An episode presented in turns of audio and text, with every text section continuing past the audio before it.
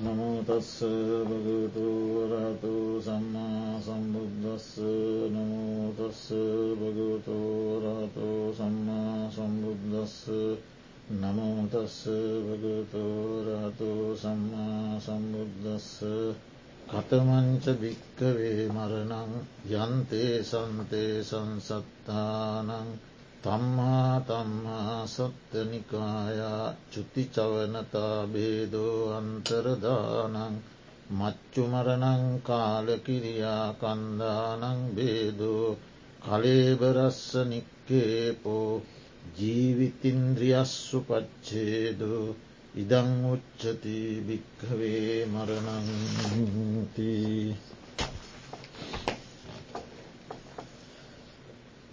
සතර සතිපට්ටාන සූත්‍ර දේශනාවේ දම්මානුස් පස්සනා කොටසට අයත් චතුරාර්ය සත්‍ය ධර්මයන් පිළිබඳ විග්‍රහාවන සච්ච පබ්බයෙහි දුක්ක ආර්ය සත්‍යයට ඇතුළත් මරණ දුක පිළිබඳව එම සූත්‍ර දේශනාවේම සඳහන් කොටස ඒ අපි මාතෘකා වශයෙන් තැබූ.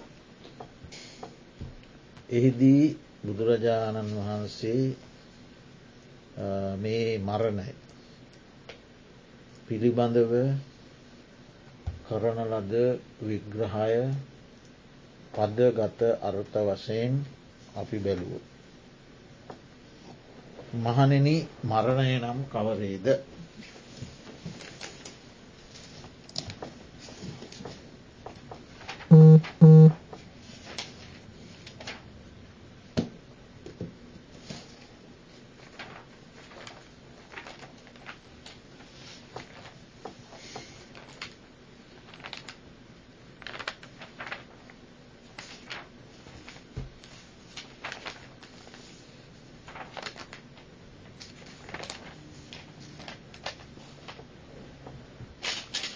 මහනෙන ඒ ඒ සත්වයන්ගේ ඒ ඒ සත්ව නිකායෙහි යම් චුතවන බවක් චුතවීමක් චුතවන ස්වභාවයක් චවනත බිඳීයාමක් අතුරුදහංවීමක් මච්චු නම් වූ මරණයක් කළුරිය කිරීමක් ඉස්කන්දයන්ගේ බිඳීයාමක් කලේබරය හෙවත් මේ ශරීරයේ හැර දැමීමක්. ජීවිත ඉන්ද්‍රයේ සිඳීයෑමක් වේද මහනෙන මේ මරණයයයි කියනු ලැබි කියන එක එහි අර්ථය. වචන කීපයක් තිබෙන්නේ. චුති චවනතා බේදෝ අන්තරදානං මච්චුමරණං කාලකිරියා කන්දානම් බේදෝ කලේබරස්සනික්කේපෝ ජීවිතින්ද්‍රියස්සු පච්චේදු. ඒ වචන ටිකෙන් තමයි මරණය පිළිබඳව බුදුරජාණන් වහන්සේ විස්තර කළේ. එතකොට එයින් චුත වෙනවා කියන එක අපිට වැටහෙනවා. චුතවන ස්වභාවය කියන එකත් වැටහෙනවා. චුතවීමක් චුතවන ස්වභාවයක්. හැමෝම එකම ස්වභාවයකට චුත වෙනවා නෙමේ මරණය කෙසේ හෝ චුතවීමක් වන ස්වභාවය. එක එක සත්වයෝ ඒ ඒ සත්වනිකායවලත් ඒ ඒ සත්වයෝ චුත වෙන ස්වභාවයන්ගේ ආකාරයන්ගේ වෙනස්කම් ගැන කෙලින්ම හඳුනාගන්න පුළුවන් වෙනස්කම් තියෙනවා. චුතිය එකක් තමා ස්වභාවේ වෙනස්කම් තියෙන. එතවට බිඳීයාමක් එතන බිදී යනවා කියන්නෙත් නැතිවීයාමක් කියන අර්ථයම තමා. නැතිවීයාමක් අතුරු දහන්වීම අය පේන්නේ අතුරු දහන්වීම. මච්චු මරණ මච්චු කියලා මාරයාටත් කියන. හරි එතකොට මරණයටත් කියන. මච්චු නමින් හැඳින්වෙන මරණය. දොට එතන මච්චු කියන මරණයටම කියෙන් නම. මච්චු නමින් හැඳින්වෙන මරණයක්. මරණය හඳුන්වන්න යෙදෙන තව නමක් මච්චු. මාරයාටත් කියන. හරි. එතන අදහස් කරන්න මච්චු නම් මරණය. මච්චු කියන නමින් හැඳින්වෙන මරණය. ඒක තම මච්චු කියන්නේ මරණයටමයි. එතකොට මෙතන කියන්නේ මච්චු කියන නමින් හැඳින්වෙන මරණයට පත්වී. ඒ මරණයම හඳුන්වන්න තියෙන නමක් තමයි. මච්චු නම් වූ මරණය. කලුරිය කිරීමක්. තකොට මෙතන ඒ ඒ වචනවල ඒ චුතියේ සිට කලුරිය කිරීම දක්වා. කිය වචන කියත් තියෙනොද චුති චවනතා බේදෝ අන්තරදානං මච්චු මරණං කාලකිරිය. හරිද ඒ එතකොට චුතියේ සිට කලුරිය කිරීම දක්වා තියෙන සියල්ලම සාමාන්‍ය ලෝක සම්මත මරණ. ලෝකයා අතර තියෙන සම්මත මරණ හරිද. ඒව තම ඒ කියන්නේ. චුත වුණා. චුතවන ස්වභාවේ බිඳී ගිය අතුරුදහන් වුණා. මච්චු හෙවත් මරණයට පත් වුණා. කලුරිය කළා. ඒවා ඔක්කොම මේ සාමාන්‍ය මරණ. එකන් සම්මුති. ලෝක සම්මත. ලෝකය අතර තියෙන සම්මත මරණ. කන්දානං බේදෝ ඉඳලා කලේබරස්ස. නික්කේපෝ. ඇතකොට කන්දහනං බේදෝ යන තැන තියෙන්නේ පරමාර්ථ වශයෙන් ස්කන්දයන්ගේ විදියාම. පරමාර්ථ වශයෙන් නිස්කන්ද ගන්න පරමාර්ථ කතා කරනකොට සම්මුති කතා කරනකොට අපි ගන්න තිස්ස මලා පුස්ස මලා පේමරතන මලා එහෙම එහෙම අපි කියන සම්මුත් මෙතන කියන්නේ සම්මුතියෙන් පිටට ගිහිල ස්කන්දයන්ගේ බිඳිය. ස්කන්ද එතකොට චතුවෝකාර පංචවෝකාර ඒකවෝකාර කියලා භූමි තුනත් තියෙනවා. ඒකවෝකාර කියන්නේ ස්කන්ද එකක් තියෙන. හරි ස්කන්ද එකක් තියෙන. මොකක්ද රූපස්කන්ද. තව භූමි තියෙනවා ස්කන්ද හතරත් තියෙන. ඒමනාද වේදනා සංඥා සංකාර වෙන්න. නාමයි. ඒකට කියෙන චතුවෝකාර භූමි. ඉළඟට පංචවෝකාර භූමි කියන ස්කන්ද පහමතිය. හැම භූමි තුනයි ලෝකෙ වෝකාර භූමි වශයෙන් ගත්ත. ස්කන්ද එකත් තියෙන භූමි ස්කන්ද හතරක් දෙකේ නෑ. ස්කන්ද එකත් තියෙන භූමි ස්කන්ද හතරත් තියෙන භූමි ස්කන්ද පහක් තියෙන. එතකොට දැම් මෙතන තියෙනවා මත කීපයක්. ස්කන්ද හතරක් සහ ස්කන්ද පහක් තියෙන භූමිවල හතරක් සහ පහක් තියෙන භූමිවල ස්කන්දයන්ගේ මිදීයාමට කියනවා කන්දානං බේදෝ කිය. කන්දහානං බේදෝ. කියල මෙතන මේ වචන ඇතින් කන්දහානං බේදෝ කිය ඔය විස්තරය කියන තැන්. බේදෝ. එතන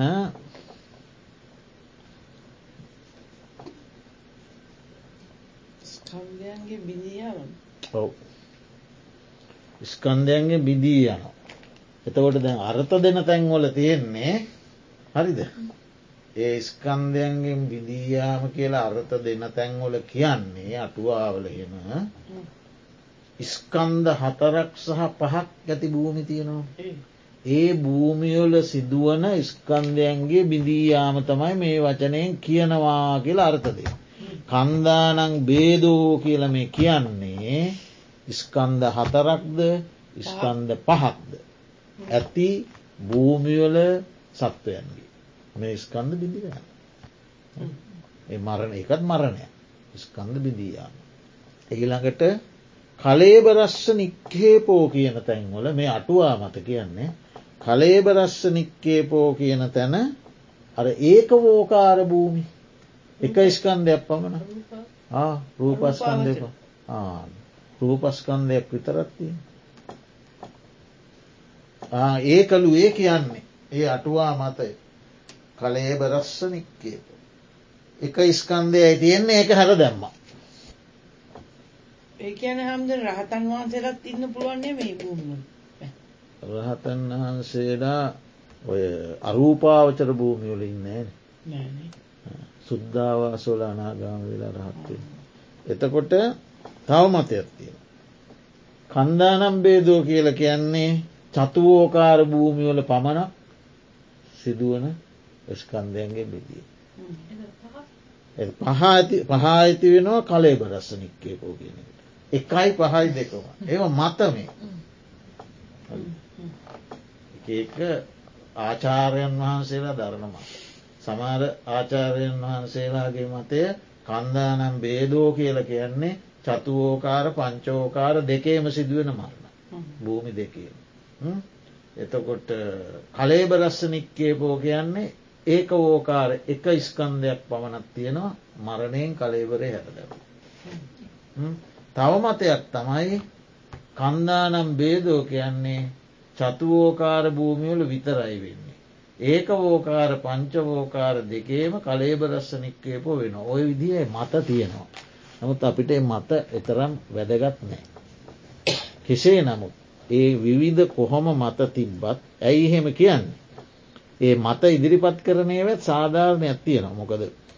දිවිය බ්‍රාක්්ම දෙවියන්ගේ බ්‍රහ්මයන්ගේ ස්කන්ද බිඳුනට දෙවියන්ගේ දෙවියන් චුත වෙනවා. ස්කන්දයන් හැරදමීමකුත් වෙනවන හැබැයි කලේබරයක් නෑ එතන දිවියලෝක මිනී නෑ දිවිය ලෝකයේ දෙවියෙක් මරණයට පත් වනාම චුත වෙනවන කිය අතුරු චුත වෙන කලේබරයක් ඉතුරු වෙන්නේ ඒ ඒ නිසා මේ මේ මත දැක්වීමේ වරදක් නෑ ඒ ඒ ස්වාමීන් වහන්සේලාගේ දැනීම් මට්ටන් අනුව විවිධ අදහස් ඉදිරිපත් කරනවා. උන්වහන්සේලා කියන්නේ දිවිය බ්‍රහ්මණ දිවියන්ගේ බ්‍රහ්මයන්ගේ ස්කන්ධ බිඳුනට කලේබරයන්න. ඒ නිසා ඇතෙන්දි කන්දානම් බේදෝ. මිනිස්තිරි සංආදීන්ගේ කලේබර තියෙනවා. බාදවීම පේනවා. අපි ආනැතිවනට කලේබරයක් තිය ශරීරයක් තියෙනවා නික්කේපනය කර හැරද. ඉති ඔය වගේ විවිධ අදහස්. ඒ ඒ දර්ශනික මත කුමත් තිබ්බත් මෙතන මරණය කියලා ගන්න මොකක්ද සත්වයාගේ මේ ජීවිත ඉන්ද්‍රිය සිදියා. ජීවිත ඉන්ද්‍රිය සිදියා. අපිට අදාළව ගත්තොත් අපේ ඉස්කන්දයන් විදී ගියා. හරිද? මේ කලේබරේ හෙවත් ශරීරය අතර දැම්මා. හරි? ඉටවස අපි අතුරු දහම් වෙලා ගිය තැනක් නෑ. නොපෙනී ගියා. අය දකින්න නෑ මේ සුවරූපයෙන් ලෝකයේ කවදාකවත් කිසිම තැනක කිසිම මොහොතක හීනෙන් දැක්කොත් විතර හරිද මුළුගනින්ම අතුරු දාන්නන මුළුගනින්ම නොපෙනී ගිය. හරි. අය ඊට පස්සේ මේ දර දැම්මං අපවත් වන අය මේ පුටුවේ හරි මේ ශාලාවේ හරි මේ ආවාසය ඇතුළ හැරි මේ කොහේවත් අය දකිින්ට නෑ මුළුමනින්ම අතුරු දංගලා ඉති ඒ අර්ථය තමයි මේ ගන්න. දර්ශනික මත විවිධ තියෙනවා. ඒවා හොඳයි. ඒව නරක නෑ. නමුත් ජීවිත අවබෝධය සඳහා අපිට මේටික ඇති. මොකක්ද මේ සත්වයාගේ ජීවිතඉන්ද්‍රිය සිදී යාම්. එතකොට දැන් ලෝකයාගේ තියෙනවා ෂණික මරණ සම්මුති මරණ කියලා මරණ දෙක ප්‍රධාන වශය. ෂණික මරණ සම්මුති මරණ. ෂණික මරණ කියල කියන්නේ ෂණයක් ෂණයක් පාසා සිදුවෙන නාමරූපයන්ගේ බිදිය. මෙතනදී ගන්න ඒ මරණය නෙවෙයි. සම්මුති මරණය ගන්න. ඔව සම්මුති ජීවිතයෙන් ඒක තම ඒකතා ජීවිතයන්දේ සිදීයාම කියන්න. මුළු ජීවිතේන්ද්‍රියම ස්කන්ධ පහේම එකතුවටන ජීවිතේන්ද්‍රිය ඒක නැතිවෙන. එම නැතුව මේ ෂණිකව සිදුවෙන නාමරූපයන්ගේ බිඳීම විදර්ශනාවට අස්වෙන උදේවා ඒක නෙ. හමුදුන දැන් ඔය දැන් දැන් උදේවයට අහුවෙන මේක මේක එතන මේ ආපහු මේ ඉපදීමකුත් තියෙනවා. දැන් දැන් දැන් හැම මොහොතෙම අපි අපේ තියෙනවානේ උපාද තිය භංගය තුන. දැන් ඒ උපාදය ගැන ආයත් ඒ ඉපදී බිදී ගියවාය උපදින්න ඒ ඉපදී බිඳී ගිය සංස්කාර ඉපදී බිඳී ගියමයි ඔවු ඒ ගැනේ ඒ නාමරූප පරම්පරා චිත්ත සන්තතිය. ඒ. සන්තතියේ අලුත් හට ගැනීමක් වෙනවා. අර හටගෙන බිඳුනේවා ආය හට ගැනීවන්න ඒ හටගත්ත බිඳුනා ආය හටගන්න ඒවා ඒවත් නැවත ඉපදීමක්ද ඒ නැවත නැවත චුති උපත්ති නැවත නෑ නැවත උපාදටිති බංග. නැවද උපාදටිති බංග. නැවත උපාදටිති බංග එහෙම තම ඒ බිඳුනේම බිඳුනම. එතකොට ඒ ෂනික මරණ නෙමේ මෙතන ගන්නේ. සම්මුති මරණ. එතකොට සම්මුති මරණයේදී තමයි මේ අපි කතා කරන්නේ. හරිද. ඒ සම්මුති මරණයේදීත් මෙතන මරණ දුකට ගන්න ඔය ගහ මැරුණා වැල මැරුණා කියන ඒ මරණත් නෙවෙයි හරිද? එකන බාහිර පරිසරයේ මරණ අපි කත අහවල් ගහ මැරිල ගිය. මිනිස් සත්ව ජීවිතවල. ජීවිතයෙන්දී මරණ. එවනතු ගසක මලක වැලක කොලක මරණ නෙමේ එතකොට මෙතන ගන්න සම්මුති මරණයමයි. අහවලා මැරුණා. මම මැරෙනවා. ආවලා මැරුණා. අපපුහාමි මලා ටිකිරා මලා යසඳ බැනිකේ මලා ඔය විදියට අපි කතා කරන්න. ඒ මරණයි සම්මුතිය. හරිද? ඊළඟට සමුච්චේද මරණ කියල මරණයකුත් තියෙන සමුච්චේද දවට ෂණික මරණ සම්මුති මරණ සමුච්චේද කවුද සමුච්චේදව මැරෙන රහතන් වහන්සේ. රහතන් වහන්සේ. ඔව. කීනාසවස්ස අපපටි සන්ධිකා කාලකිරියා සම්මුති මරණන්නාම අටුවා මතේ. හරි?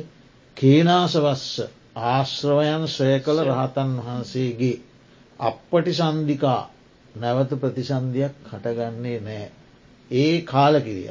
ඒ නැවත ප්‍රතිසන්ධයක් හට නොගන්නා ශ්‍රීනාශ්‍රවයන් වහන්සේගේ කළුරිය කිරී. එතනින් ඉවරයි. සමුච්චේදම විටාගිය අය හැට ගැනීමන්න ඒකට කියන සමුච්චේද මරණ එතවට මරණ තුනයි කනික සම්මුති සමුච්චේද එයින් කනික මරණයත්න මේ මෙතන කතා කරන්නේ සමුච්චේද මරණය කනික ෂනික සිංහද කනික පාලි. ක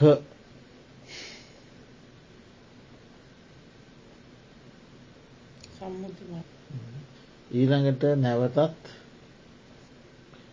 තව බෙදීමක් තියෙන. කනික මරණ උපච්චේද මරණ. දැන් අතන මුලින් කතා කරමකක්ද කනික සම්මුති සමච්චේ. හරි ඊළඟ බෙදීම කනික උපච්චේ. කනික මරණ උපච්චේද. දෙක. අතන තුනක් ඊළඟට තව ක්‍රමයකට දෙකක් කනික උපච්චේ. ට එතනත් කනික මරණ කියන මේ නාමරූපයෙන් බිඳ. උපච්චේද ගැන ජීවිතයන්දර සිඳීයා. ජීවිතන්ද්‍රය සිින්දී ගිය හරි ඒක දෙකක් පෙන් කරන්න. එකයි. උපච්චේදනය සිින්දී ගිය. එක් භවයක ජීවිතයා ජීවිතීන්ද්‍රය සිින්දී ගිය. එක් භවයක ජීවිතය නම් වූ ඉන්ද්‍රිය සිින්දිලා ගිය. ආයක නෑ. ඒ උපච්චේද ඔවු උපච්චේ කනික උපච්චේද ඒකම තමයි මේ බුදුහාන්දුර මරණ දුක කියන එක අන්තිමට විස්තර කරන්න. ජීවිතින්ද්‍රියස්සු පච්චේදෝ කියන දැ අපි මාතෘකා කළේ පාටේ තියෙන්නේ. ජීවිතන්ද්‍රියස්සු පච්චේදෝ ඒක වෙන් කරලා ගත්තොත් කොමද. ජීවිත ඉන්ද්‍රියස්ස උපච්චේද. එහෙමනේ වචන තුන එකට සන්දි වෙලා තිය. ජීවිත ඉන්ද්‍රියස්ස උපච්චේදෝ හරි ආං ඒක තමයි මෙතන මේ උපච්චේද මරණය කියල කියන්න. එක් ජීවිතයක ජීවිතේන්ද්‍රිය සිින්දිල කිය. එතවට දැන් මෙතෙක් කතා කරපටිකින් තේරුම් ගණ්ඩෝන මොකක්ද අපි මේ ආර්ය ශක්තිය විභාගයේදී මරණය ගැන කියලා කතා කරන්නේම මේ ජීවිතයෙන්දී සිදීයා ෂණික මරණය නොවේ. රහතන් වහන්සේගේ සමුච්චේද මරණයක් නොවේ. මේ ජීවිතයන්ත්‍රී සිින්දියා. එතකොට ඒ සිින්දීයාම ප්‍රධාන කොටස් දෙහකට බෙදෙනවා. දැන් ෂනික මරණය සමුච්චේද මරණ නෑ. ෂනික සමුච්චේද සම්මුති කියල තුනත් තියෙනවා. ඊළඟට ෂණික උපච්චේද කියලා දෙකත් තියෙනවා. ඒ උපච්චේද කියන මරණය නැවත බෙදනවා කොටස් දෙකට උපච්චේද මරණය දෙකට බෙදෙනවා. දැන් අපි කතා කරන්න ෂණිකනම ඒක දැන් අදාලනෑ එහෙම තියෙනවා කියලා අපි දන්නවා. හරි? දැන් අපිට අදාළ මේ උපච්චේද මරණ. ට උපච්චේද මරණය කොටස් දෙකට බෙදෙනවා. මොකක්ද කාල මරණය සහ අකාල මරණ. නිසි කාලයේදී සිදුවෙන මරණ අකල්හි සිදුවෙන මාර්ග කියල දෙකකට බෙදෙන. එතකොට දෙකම අයිති උපච්චේදයට. කාලයේ මැරුණත් අයිති අකාලයේ මැරුණත් ඒක තේරෙනවා ගොඩක් එහෙම බෙදුවහම ඒක තේරෙනවා අපිට මොකද ඒක අපිට වෙන දෙයක්. වෙන දෙයක් කාල ඊළඟට දැන් ඒ කාල අකාල මරණ දෙක. නැවත බෙදෙනවා හතරකට. ලේසි නෑ නොගෙන කාල අකාල මරණ දෙක නැවත හතරකට බෙදෙනවා අභිධර්ම පිටකේ තියෙන. මොනාදේ කම්මක්කය ආයුක්කය උභයක්කය උපච්චේදක එම අතර. ඒ කියන්නේ දැන් අපිට උපත ලබාදීමේදී බිත්තරයක හෝ මවකුසේක හෝ කුණගොඩක හෝ එම නැත්තං උපත්ති හතරත් තියෙනවන අන්ඩජ ජලාව ඕපපාතිකව. ඒ උපත ලබා දෙනකොට ඒ උපත ලබා දෙන්නේ ජනක කර්මයකි. ඒකට ගැන ජනක කර්මය. හරිද සසර ගමනේදී කරන ලද යම් කුසල හෝ අකුසල කර්මයක් ඉදිරිපත් වෙලා ඒ කර්මය විසින් අපට උපතක් කදල දෙන ප්‍රතිශන්සිය. එකටගෙන ජනකය කිය. හරි. එතකොට ඒ ජනකයේ තියෙනවා යම්කිසි ශක්තියක්. එයාට එයා ජීවත් කරවීමේ ශක්තියක් තියෙනවා ජනකය. ජනකයෙන් කරන්නේ උපත ලබාදීම විතර එයා එතනින් හට මොකුත් කරන්නේ. එය උපත ලබාදුන්න. හැබැයි පල එක ශක්තියක් තියෙන. අසවල් කාලයක් ජීවත් කරවන්න පුළුවන් හයියක්. හරිද. ඒ ජනක ශක්තිය. ඒ මනුෂ්‍ය දිව්‍යාදී තැනක උපත ලැබුණොත් එහෙම කුසල ජනකය. නිරේ තිරිසම් ප්‍රේතාසී තැනක උපත ලබා දුන්නොත් ඒක අකුසල ජනකය. අකුසල ජනකයක් කුසල ජන. ඒ ජනකය තියෙනවා. එතකොට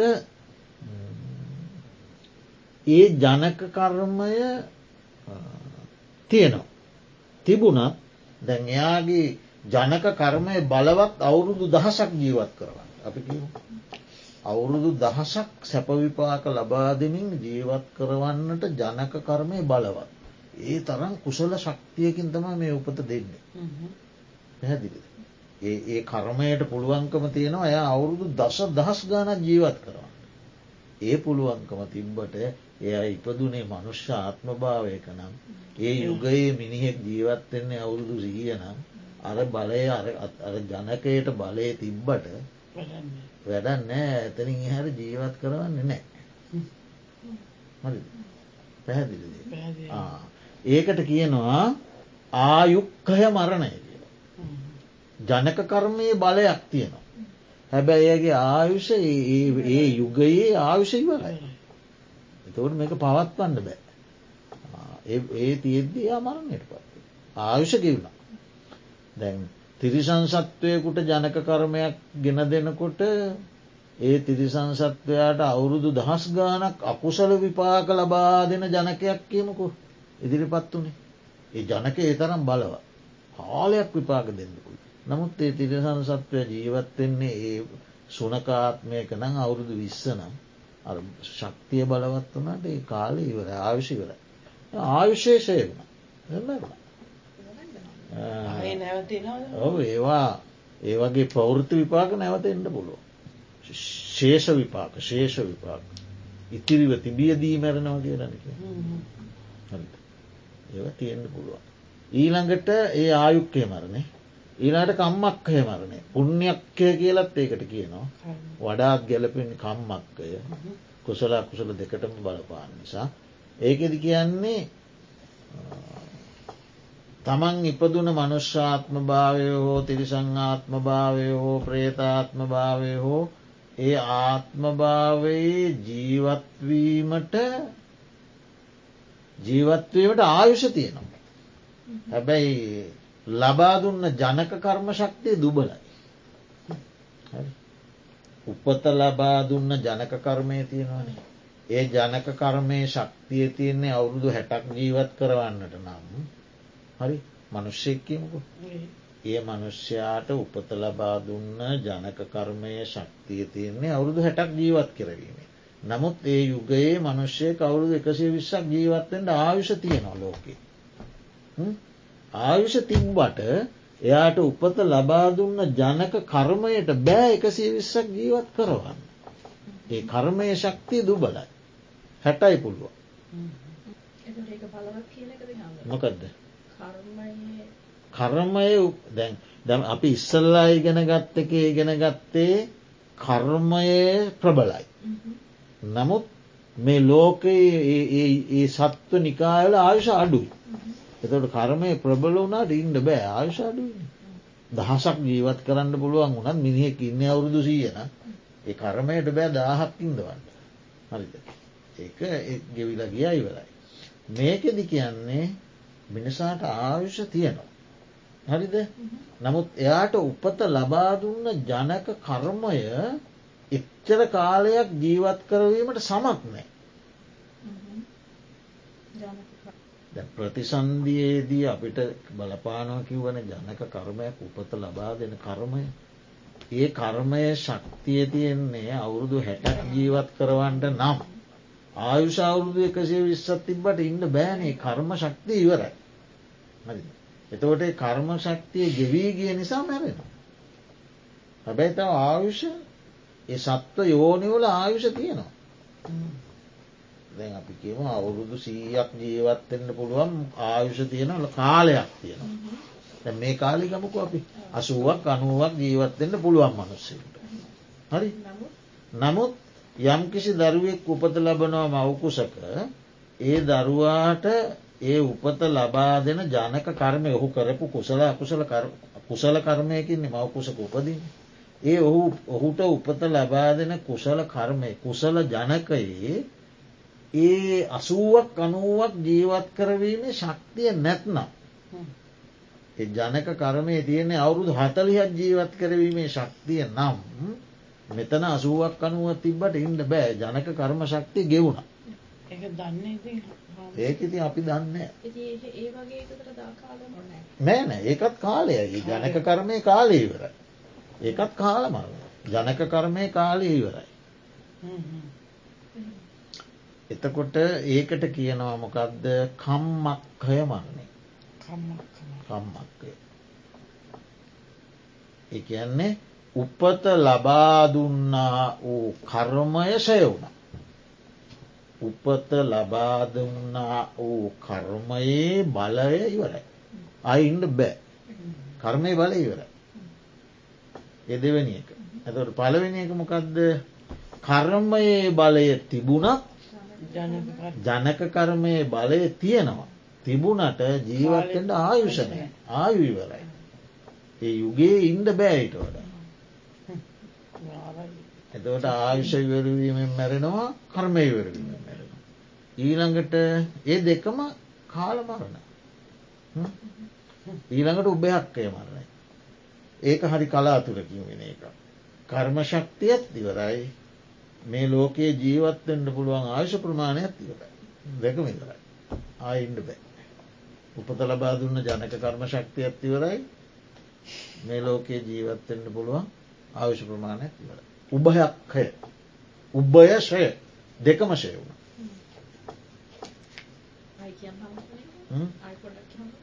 උපත ලබා දුන්න ජනක කර්ම ශක්තියයි මේ ලෝකයේ ජීවත්වෙන්ට නියමිත එකන්නේ ඒ ඒ යුගයේ ජීවත්වෙන්ට පුළුවන් ආවිෂ ශක්තිය දෙකම වෙන. දෙකම එකට ගෙවුණ. ඒව කලාතුරකින් වෙන මරණ.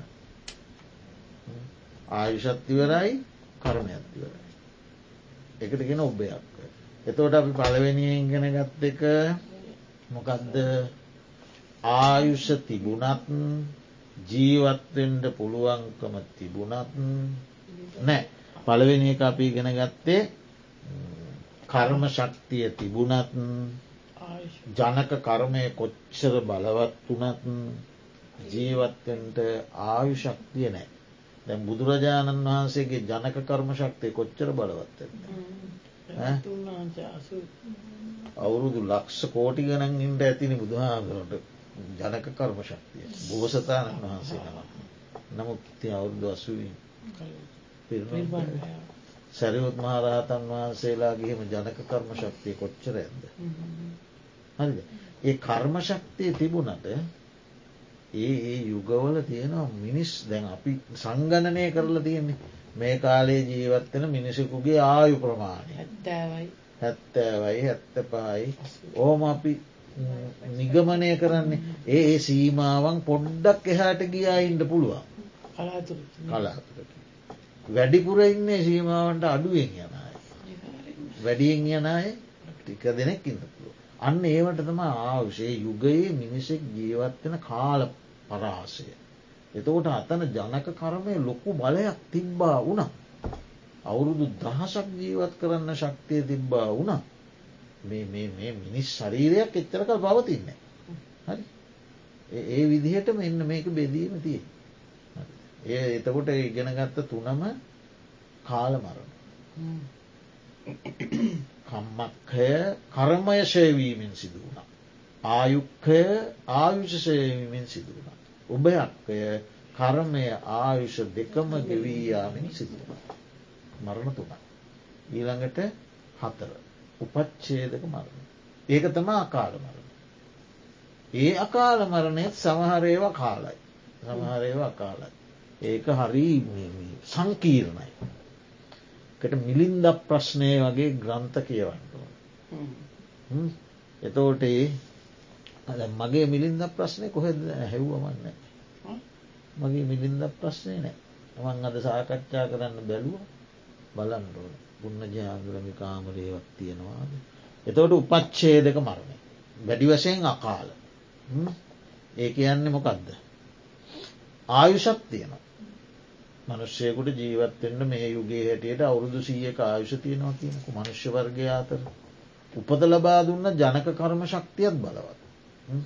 හොඳ හොඳ කර්මයකින් උපදලබල දීර.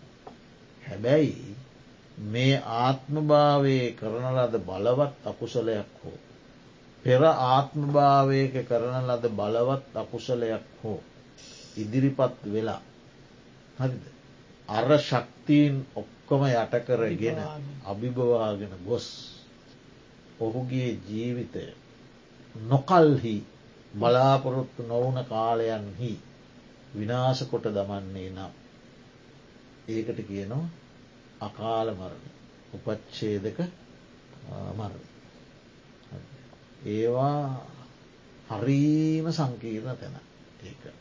එතෝට ඒක වෙනම මිලින්ද ප්‍රශ්නය අකාල මරණ ප්‍රශ්නය කියල සාකච්ඡා කර මිලිඳු රජ්ජුරුවයි නාගසේන මහරහතන් වහන්සේ. ඒකෙදි අකාල මරණයට හේතු පහලවක් දක්වනවා. වාත පිත්තේන සෙම්මේන සන්නිපාත උතුහිච විසමෝ පක්කම කම්මයෙහි අකාලේ තත්තමී ඇති. ජිගච්ඡාය පිපාසාය අහිනා දට්ටෝ විසේනච අග්ගි උදක සක්තිහි අකාලේ තත්තමී ඇති. වෙනම දවසක සාකච්ඡා කරන්න ඕනේ දීර්ඝ විස්තර සහිත තැන අකාල මර්ග. එතකොට අන්න ඒ විදිහේ මේ ජීවිතයේ කරන ලද හෝ පෙරජීවිතයගේ කරන ලද හෝ. අකුසල කර්ම ශක්තියක් ඉදිරිපත් වෙලා ආයුෂත් ඉතිරය තිබියදී ජනකයත් ඉතිරය තිබියදී ඒ කර්ම ශක්තිය බලවත් වෙලා ජීවිතය විනාශ කරලා. ඔක අනිත් පැත්තටත්ේ. තිරිසංආදී සත්ව ජීවිතයක් ගත කරන කෙනෙකුට ඒ තිරිසං සච්ච ජීවිතයෙන් තව ජීවත්වෙන්ඩ ආයුෂ තිබියදී තිරිසං සත්ව ජීවිතයක් පැත්වීමට වමනා කරන කුසල ජනකයක් තිබියදී හරි කලාතුරකින් වෙන්නේ. ඒ දෙකම තිබියදී වෙනත් අකුසල කර්ම ශක්තියක් ඇවිල්ලා උපඝාතක වශයෙන් ඉදිරිපත් වෙනවා කියන්නේ එකට කියන්න. මේ ජීවිතය විනාශ කරලදා උපඝාතනය. ඝාතනය කල වෙන එකක් ඉදිරිපත්වෙලා මේ තිරිසංආත්ම භාවයෙන් මුදොල සමහට මනිසෙක් වෙන්නක් පුළ සමහට තිරිසංආත්ම භාවය මුදවල ඊට වැඩිය පහත් තිරිසංආත්ම භාවකට යන්නත් ඒව හරි සංකීර්මයි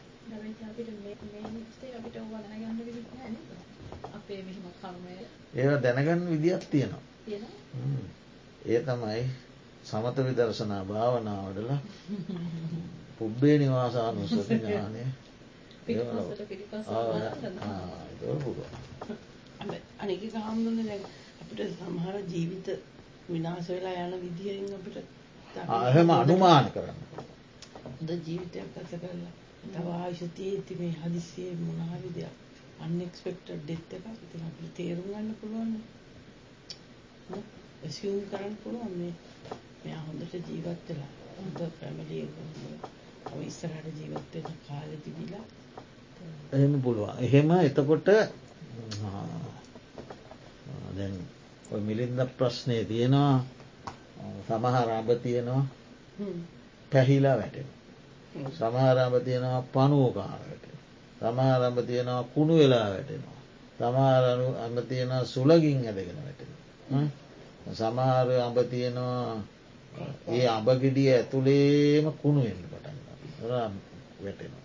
එවිදි විවිධ හේතු පොළු ගහල වට්ටනවා. විවිධ හේතුමත අඹ වැටෙන. මිනිසාගේ අකල් මරණය විවිධ හේතුමත සිද්ධ වෙන එතන තමහර මං ගාථාවකින් කිව හේතු පහළව පහළවක් දක්වන. ඒ පහළවෙන් කර්මයත් එක හේතුව. අනිත් හේතුවලට කර්මය බලපාණ්ඩත් පුළුවන්.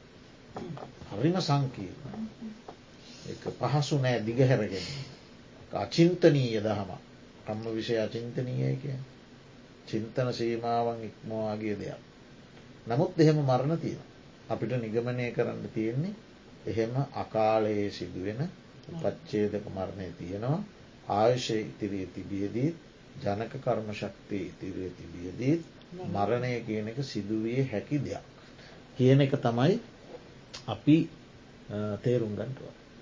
එතකොට මේ මරණයේ තියෙන ලක්ෂණය තමයි වර්තමාන ආත්මභාවයෙන් ජීවිතය ගිලිහිලා යන. එක තම මේක ස්වභාව ලක්ෂණ. ගිලිහිලා යන. ඊළඟට මේකේ කෘත්‍යය තමයි මේකින් කෙරෙන කාර්යය තමයි මේ මේ ඒ ඒ ඒ ඒ භවයට අයත්. හරි?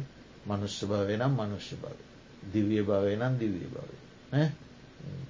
කාම භවය නම් කාම භව රූප භවය නම් රූප භව අරූප භවය නම් අරූප භව ඒ ඒ ඒ ඒ භවයට අයත් ස්කන්ධයන්ගෙන් වෙන් වෙලාය මම මම මගේ කියන මේ අල්ලගෙන ස්කන්ධ තියෙනවා එවම් වෙන් වෙලා යන ඒක තමයි එකින් කෙරෙන කාර ස්කන්ධයන්ගෙන් වෙන්වීම වෙන්වීම. ඒක තමයි එකින් කෙරෙන කාර්ය ඊළඟට මේක මරණය වැටහෙන් යම් කෙනෙකුට. වැටහෙන ආකාරයක් තියෙන ඒමකද සබ්බම් පාය ගමනිය. සියලූම අයිතිවාසිකින් අත්හැරලදා මොකක් කන්න කිසිම අයිතිවාසිකමක්වත් ඉතුරුවෙන්නේ තන්නාව නැති කරන්න මේ මමය මගේ කියලා අල්ලගෙන ඉන්න කිසිම අයිතිවාසිකම කිසිදු අයිතිවාසිකමක් නෑ සබ්බම් පහාය ගමනීය සියල්ල අත්හැරල දාලේ ආයුතු අපවා බෑ මට යන්න බෑ මේ දේ තියෙනවා. ඒක හරියන්න තව තව පොඩ්ඩක් ඉන්ඩෝන මට මේ තව ප්‍රශ්නටි ගත්තියෙන සබ්බම් පහාය ගමනීය සියල්ල හැර දමායායුතු බුදුහාන්දුරු ලෝක සත්වයට කරුණාව දැක්වීම එක හේතුව මහා කරුණා සමාපත්ති ඥානයට සමවැදිල බලනොලු බලනකොට ඉතින් බුදුරජාණන් වහන්සේගේ අවධානය. අහු මේ මුළු මහත් ලෝක සත්ව සමූහයාම සියල්ලක් තැරලදා කිසිවක අයිතිවාසිකමක් නැතු මොන්නම අයිතිවාසිකමක්වත් නැතු සියල්ල අත්තරල දාලා මරණයට යනවා. ඒක තමයි මේක වටහා ගන්න තියෙන සුදුසුම තැන්. නකින්චී පරිවජ්ජේති සබ්බ මේවා අභිහි මද්දති සියල්ල මැඩලමි සියල්ල කියලා කිවම ධනවත්කම් දුප්පත්කම් කුලවත්කම් කුලහීනකම් උගත්කම් නැනවත්කම් පොහොසත්කම් බලවත්කම් රුවඇතිකම් විරූපීකම් කොච්චර කම් තියෙනවා ඒ කිසිම දෙයක් ඒ සියල්ල මැඩලලා කිසිවක් ඉතිරි නොකොට එකක්වත් ඉතිරි කරන්න ඒ ඔක්කෝම මැඩලලා නකින්චී පරිවජ්ජයති කිසි දෙයක් ඉතිරෙනකොට සබ්බ මේවාබී මන්දති ඒ සියල්ලම මැඩලමින් යට කරමින් යන ගමන සියල්ල හැරදමා යන ගමන අමොවක් කන්න අමුතුම ගමන ඉස්සල්ලාම උන්වහන්සේ කිව්වෙත් ඒකනේ නම් අනේක ජාති අන්න ඒක තමයි මේකෙන් සිදුවන වැටහීම මරණය කියන හරියට තේරුම් ගත්ත එයාට එක වැටහෙනවා. හරි හරියට වැඩුණොත් හරියට තේරුණොත් එයාට ඒක තමයි වැටහෙන. සියලු අයිතිවාසකම් මරණයෙන් කෙලවරේ. සියල්ල හැරදමා යා යුතුය. කියන වැටහීමයි නො. එතකොට අටුවාවේ දක්වනවා ජාතිය කියල කියන්නේ දැන් අපි ගෙනගත්ත මොනවාද? ජාති ජරා මර තුනක් ඉගෙන ගත්තන මරණ අද දැ මරණ දුකේ පරිච්චේදයක් ඉවර කරන්න යන්නමේ ඒකෙදී ජාතිය කියල කියන්නේ උවදුරු සහිත කාන්තාරයක්. ජාතිය. උවදුරු කියන්නේ උපද්‍රව කරදර අමනුෂ්‍ය වදුරු ප්‍රේත වුවදුරු යක්ෂ වුවදුරු හොර වුවදුරු සතුරු වුවදුරු රෝග පීඩා වුවදුරු වම තියෙන වදුරු ඒ වුවදුරු සහිත කාන්තාරයක් ඉපදීම කිය. හරිද එතට ජරාවට පත්වීම කියන්නේ දැන් කණ්ඩ බොන්්ඩ ඇරංගිය ඔක්කෝ මිවර වෙලා ඒ කාන්තාරය මැද දුර්ුවල වෙලා ඉන්න. හරි දැ ඉපදීම නැමැති කාන්තාර. හරිද එතකොට දැන් කණ්ඩ බොන්්ඩ ඇරැංගිය ඉවර වෙලා කාන්තාරය මැද අසරණ වෙලා ඉන්නවා වගේ තම මේ දිරාපත්වීම. හරි දැන් අසරණ මට්ටමේ. දැන් ඇදේ ඉන්නේ. දැන් හැරමිටියක් කැරැන් ඉන්නේ. දැන් හිනා වුනත් ලස්සන නෑ. හරිද? දැන් කාගිවත් වැඩි අවධානයකුත් නෑ. දැන් අර කාන්තාරය මැද ජාති කාන්තාරය දැන් අතරමන් වෙලා ඉන්න. දැන් අතරමං වෙලා දුබලෝ වැටිලා ඉන්න ජරාව. එතකොට මරණය කියල කියන්නේ ඒ අසරනව කාන්තාරය මැදර වැටිලා ඉන්න මිනිහා බලවත් සතුන් විසින් ඇවිල්ල කාලදානවාලට ඒ බල දැම් බලන්න හිතර දැන් ඔන්න මනුස්සෙක් කාන්තාරයකට වැටුණ. මග දිගේ කාන්තාරය යනකොට ඇරංගී වතුර ජලය කෑම ඉවර වෙලා දැන්ගේ මිනිට පේන ගමකුත් නෑ.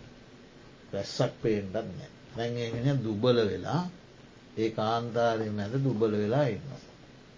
ඉන්නකොට මුර්ගයන් විසින් ඇවිල්ලා ඒ මනුෂ්‍ය කාලදා. මේ කාන්තාරයට වැටීම තමයි ජාතිය ආහාරපානයක වෙලා දුබල වී සිටීම තමයි. ජරාව තිරිසංආදී මුග්‍ර පක්ෂීන් විසින් ඇවිල්ල කාදමීම තමයි මරණ. ඒ අටුවා මතයක් අටුවා අදහස. එතකොට ඔන්න ඔය විදිහට මරණ දුක. දැන් අපිට ප්‍රධාන වශයෙන් එතවට තේරුම් ගණ්ඩෝනේ මේ දුක්කාරි ශක්තියේදී මරණය කියල කතා කරන්නේ ජීවිතේන්ද්‍රයාගේ සිහියා. සම්මුති. මරණ. ට මරණය පිළිබඳ විවිධ කරුණු කාරණා අපි කතා කලා ආයුක්කය පුන්නක්කය උභයක්කය උපච්චේදක කාල අකාල ෂනික සම්මුති සමුච්චය. ඒ සියල්ලෙන්ම මෙතනදී කතා කරන්නේ ජීවිතේන්ද්‍රයාගේ සිින්දියාම මේ භවයෙන් වෙන්වයා සම්මුති මරණ.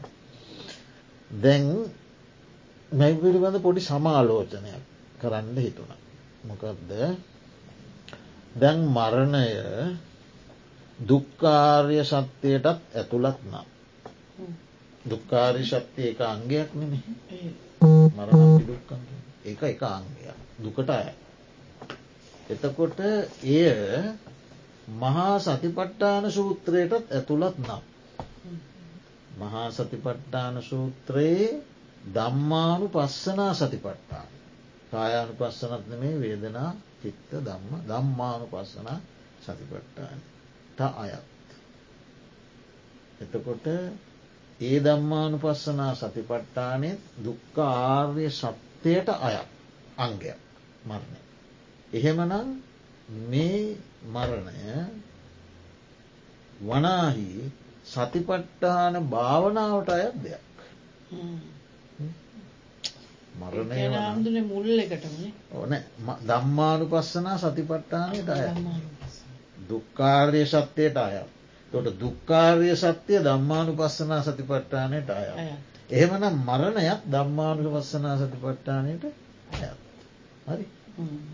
ඊළඟට කායානු පස්සනා සතිපට්ටානේ යම් කිසි කෙනෙක් මරණයට පත්වනාට පස්සේ එයාගේ ජීවිතයේ සිදුවෙන විපර්යාශයන් බැලීම. ඒක මොකට දයිති නව සීවතිකය මලකුණක ස්වභාවයන් නිරීක්ෂණයකි. ඉදි මේ දවසක් ගතවීම දෙකක් ගතවීම තුනක් ගතවීම ඕජා වැගිලීම ඒකත් මේකට යම් ප්‍රමාණයක එකත් මරණයකින් පසු සිදුවන ක්‍රියාවලියක්. යම් ප්‍රමාණයක එතකොට සම්බද්ධතාවයකුත් තියෙන. හරිද? එතකොට දැන් මට කියන්න ඕනකම තියන්නේ එහෙමනං දැම් මේ මරණය පිළිබඳව සිහිකිරීම භාවනාවක්ද නැද භාවනාවක් එතකොට ඒ භාවනාව සතිපට්ටානයට අයිති දෙයක් එතොට මරණානුස්සතිය කියලා වෙනම අනුස්සති භාවනාවක් වශයනුත් ධර්මය තියෙනවා. හරිද අනුස්සති භාවනාව. තුරච්ච අනුස්සති කියලා අනුස්සති භාවන හයක් තියෙන. ඒ අනුස්සති භාවනා හයම රිජුවම බුද්ධානුස්සති දම්මානුස්සති සංගානුස්සති සීලානුස්සති ජාගානුස්සති දේවතානුස්සති කියලා අනුස්සති කියන නමින්ම තියෙනවා. ඒ හය අනුස්සති කියන නමින්ම තියෙන. ඊළඟට මරණානුස්සති කියන අනුස්සති නමින්න ඒ අංගුත්තරනිකායේ අනුස්සති දහය දක්වන තැන මුල්හය අනුස්සති නමින්ම තියෙනවා. හරිද මරණය තියෙන්නේ මරණ සති කියන නමින්. එක තමයි. කායගතා සතිය අනුස්සති කියන නමින් නෙවේ තියෙන්නේ කායගතා සති කියන ඊළඟට ආනාපාන සතියත් අනුස්සති කියන නමින් නෙවේ තියෙන ආනාපාන සති කියන නම ආනාපාන අනුස්සති කියන නෙමේ ආනාපාන සති. කායගතා සති. මරණ සති. ළඟට දහවෙනි එක උපසමානුස්සති. ඒක අනුස්සති කියන නමින් තියෙන. එතවට තුනක් අනුස්සති නමින් නෑ ඒක ලොකුවට හිතන්න දෙයන්නෙමේ කට අටුවාවට යනකොට ඒවා අනුස්සති කියන නමින්ම තමයි තියෙන. විසුද්ධි මාර්ගයට එනකොටත් අනුස්සති නමින්ම තියෙන. නමුත් අංගුත්තර නිකායේ ඒකක නිපාතයේ ඒක දම්ම පාලියේ අනුස්සති කියන නම කායගතා සතියටයි මරණ සතියටයි ආනාපාන සතියටයි යෙදිල නෑ.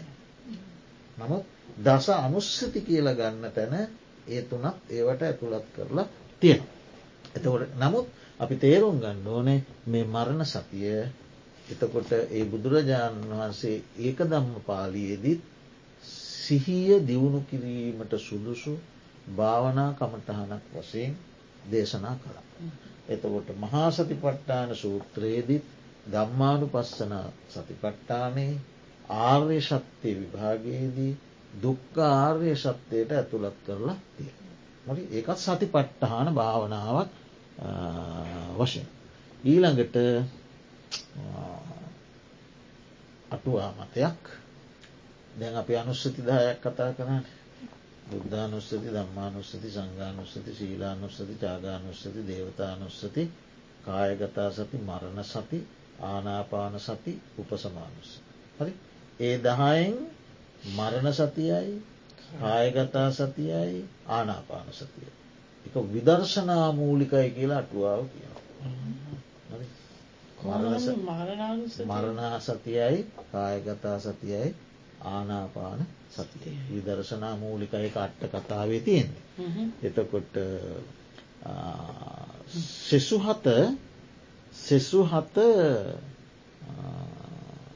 සිත තුළ සතුට උපදවමින් ඉගෙන් බුදුරජාණන් වහන්සේගේ ගුණ සිහිකරමින් ධර්මය ගුණ සිහිකරමින් සංඝයාගේ ගුණ සිහිකරමින් දෙවියන් ගැන සිහිකරමින් සීලය ගැන සිහිකරමින් සිත තුළ සතුට උපදවනමින් සමාධිය උපදවමින් එහෙම යන දෙයක් වශයෙන් දක්වන එක අට්ට කතාචාරීන් වහන්සේලාගේ මතය ඒ මතය කෙසේ වනත් අපි තේරුම් ගණ්ඩෝනෑ මේ මරණ සතියත් එක් භාවනා කර්මස් ආනය. තකොට ඒ තුළින් ඒකින් පටිච් සමුපාද අද මරණය දුකක් වශයෙන් තේරුම්ගෙන ඊට පස්සේ මේ ජීවිතේන්ද්‍රයාගේ සිඳීයෑම සියල්ල හැරදමායෑම සියලු අයිතිවාසිකම් අප හැරදමායෑම මරණය නම් ඒ දුකක් නම් ඒ උපදින්නේ කෙසේද? හරි මරණය හටගන්නේ කෙසේද? හටගන්නේ ජාතිය නිසයි. ජාතිය හටගන්නේ කෙසේද? භවය නිසයි.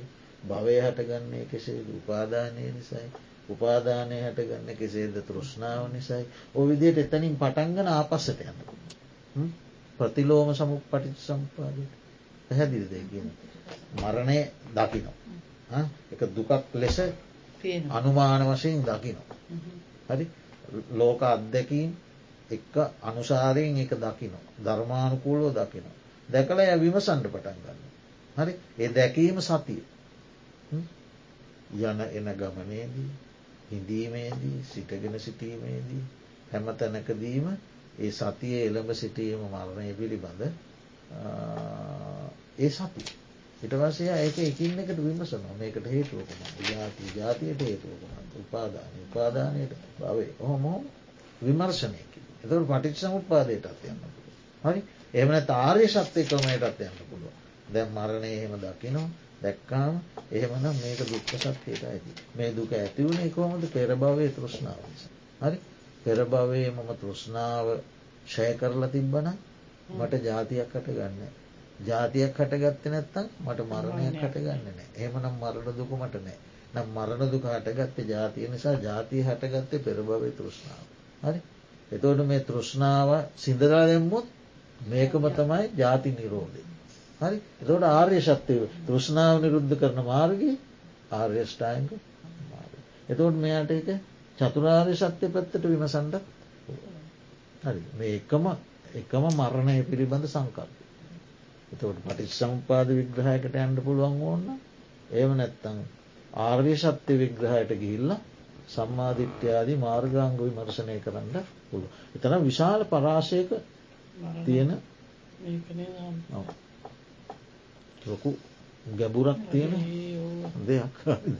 එහෙමනයි ඊළඟ දවසට අපි නෑ ඊළඟ දවසට අපි කතා කරන්න ඕන මරණානුස්සතිය පිළිබඳ බුදුරජාණන් වහන්සේ දේශනා කළ තින සූත්‍ර. ඒව තේරුම් එරගන්න එක හොඳ සූත්‍ර ගණනාවක් තියෙනවා. අපි එයින් වඩා හොඳ ඔක්කොම හොඳයි. වඩා හොඳ කියන්න බෑ. බුදුහාමරගේ දේශනා. නේද? හැම. එකක්ම හොඳයි. නමුත් අපි කීපයක් ඒ පිළිබඳව සාකච්ඡා කරලා ඒක හොඳයිනේ මරණ සති. ඉතිං දැන්ගේ අද කතා කරපු ඒවා පිළිබඳ මොනවත්